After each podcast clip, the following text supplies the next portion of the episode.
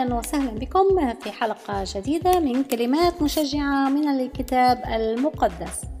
تحدثنا في الحلقات الماضية عن معوقات الغفران وهي صعوبة النسيان وشكوى الشيطان.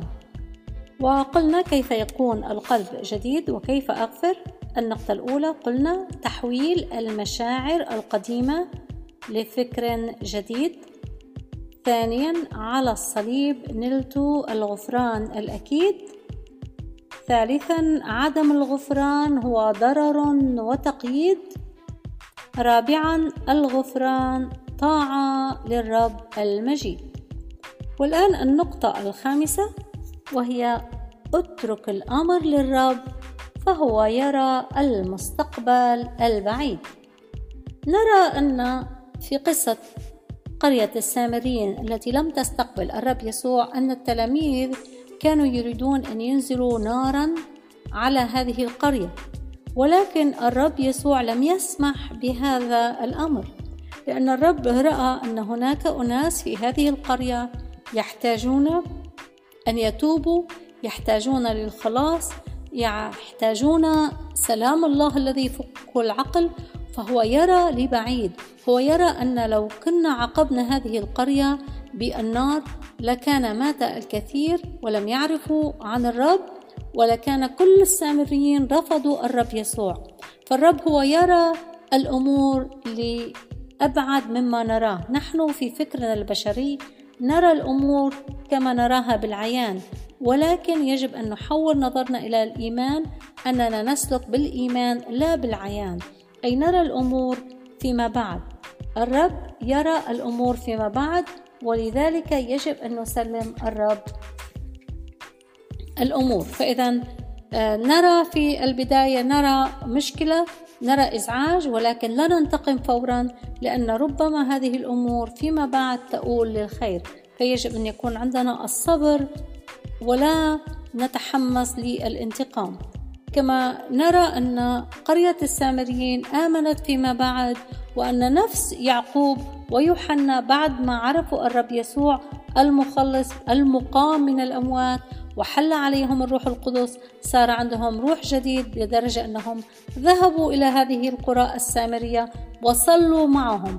يعني نفس التلاميذ الذين كانوا يريدون أن يحرقوا هذه القرية أصبحوا يريدون أن يخلصوا هذه القرية ويصلوا من أجلهم. فالرب يرى البعيد ونحن لا نراه. ممكن أن نخسر كثير من الأمور إذا تسرعنا بالانتقام. النقطة السادسة بالغفران أصلي بقلب سعيد. الرب قال في متى 6 14 و 15 فإنه إن غفرتم للناس زلاتهم يغفر لكم أيضا أبوكم السماوي زلاتكم. وإن لم تغفروا للناس زلاتهم لا يغفر لكم أبوكم أيضا زلاتكم. يعني هذا تعليق على اغفر لنا ذنوبنا كما نغفر نحن المذنبين إلينا. فنحن حين نعيش بطاعة للرب قلبنا يفرح. حين نسامح ونترك نترك الأمور التي تشوش حياتنا نحن نرتاح ونحن نعيش بسعادة. الكتاب المقدس يقول في بطرس الأولى الإصحاح الثالث والعدد التاسع غير مجازين عن شر بشر أو عن شتيمة بشتيمة بل بالعكس مباركين عالمين أنكم لهذا دعيتم لكي ترثوا بركة. فنحن دعينا لنرث بركة لا لنوزع الشتائم ولا أن نوزع الشر للآخرين. الكتاب يقول لنا لا يغلبنكم الشر بل اغلبوا الشر بالخير. حين يكون شخص يعاملنا معاملة سيئة نحن نرد عليه بمعاملة لطيفة. ربما هذا الإنسان يتوبخ عن أعماله ويقول لماذا هؤلاء الناس يعاملوني بلطف؟ ويسأل عن سبب هذا السلوك الجميل الذي أنتم تسلكونه. وحين نعامل الناس بالغفران الرب يغفر لنا. فيقول لوقا 17 أربعة وأن أخطأ إليك أخوك سبع مرات في اليوم ورجع إليك سبع مرات باليوم قائل أنا تائب فاغفر له. فإذا نحن نغفر لمن يأتي إلينا ويقول أنا تائب. وحتى إن كان الشخص لم يأتي إلينا ولم يقل أنا تائب في هذه الحالة أقول أنا من عندي لو كان تاب سأسامحه وأنا من عندي لا أريد أن أحمل الغفران عدم الغفران في قلبي. فإذا أنا أترك هذا الإنسان للرب إن لم يعد ويتوب إلي ولم يعد ولا يطلب الغفران مني لكن أنا في قلبي أترك هذه المشاعر السيئة هذه المشاعر المريضة هذه المشاعر التي تؤذي صحتي وتؤذي حالتي الروحية وحالتي النفسية وتأتي لي بالأمراض ربما.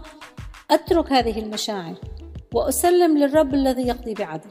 نسلم للرب الذي يقضي بعدل. ولكن إن كان هذا الشخص جاء وقال أنا نادم وتائب فورا نقول له نعم أنا أسامحك فالغفران مثل ما غفر لي يجب أن أغفر الآخرين حين يأتون نادمين. والنقطة الأخيرة السابعة لا أقدر فأذهب عند الطبيب. النقطة السابعة حين تشعر أيها الإنسان أو أيتها الإنسان أنه ليس عندي قدرة على الغفران. كل هذه الحلقات لم تنفع شيئا. فلانة أذتني وفلان أذاني وهذا أخذ مالي وتلك خسرتني وظيفتي في العمل وذلك آه، وشى في وكل هذه الأمور ومن الصعب جدا أن أغفر. فإذا نحن نحتاج إلى قلب جديد. يعني نحن كل هذه الأمور لا نقدر أن نفعلها بقدرتنا. نحن نحتاج إلى قلب جديد. نأتي إلى الرب. نقول له حين فعلا عندما لا أقدر أن أشفي نفسي أذهب عند الطبيب. فأنا لا أقدر. كل هذه النقاط لا أقدر أن أفعلها بدون أن أذهب عند طبيب الروح وهو الرب. الله الخالق خلقني يعرف كيف يشفيني. إن أتيت إليه. الطبيب لن يعطينا دواء إن لم نذهب إليه. الطبيب لن يشخص لنا المرض إن لم نذهب إليه. أنا لا أعرف مرضي إن لم أذهب إلى الطبيب. أنا لا أستطيع أن آخذ الدواء إن لم أذهب إلى الطبيب. من هو الطبيب الشافي؟ هو الرب. الرب الخالق هو الطبيب الشافي.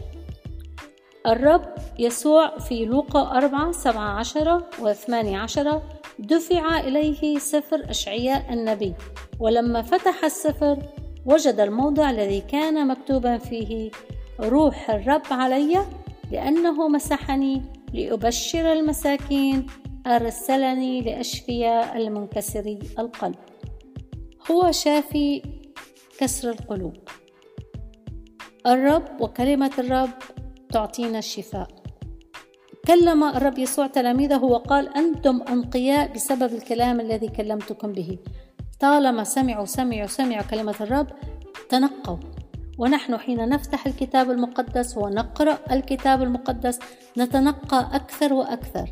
بدل من أن نمضي أيامنا نسمع الأخبار هناك الأخبار ليس فيها إلا السلبيات. أنا لا أقول لا تسمعوا أخبار. يجب أن نعرف ماذا يحصل في العالم ولكن هناك أناس عملهم وشغلهم الشاغل أن يفتحوا التلفاز ويشاهدوا الأخبار وكل ما في الأخبار سلبيات سلبيات سلبيات. بالنهاية أين النقاء الروحي؟ أن الأخبار لا تعطينا النقاء الروحي. كلمة الرب هي التي تنقينا.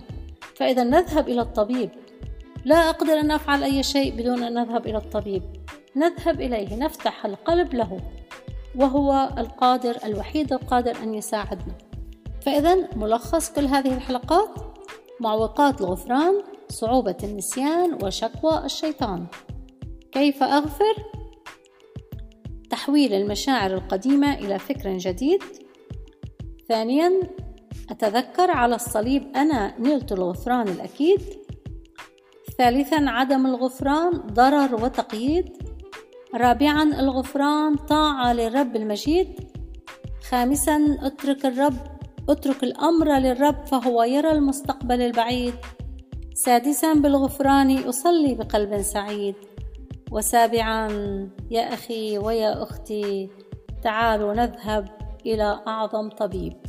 شكرا لكم من أجل استماعكم وأتمنى من كل قلبي وأصلي من كل قلبي أن تكون هذه الحلقات سبب مساعدة وسند ودعم وتقوية لنا جميعا في حياتنا الروحية على هذه الأرض. سلام الرب يسوع المسيح معكم.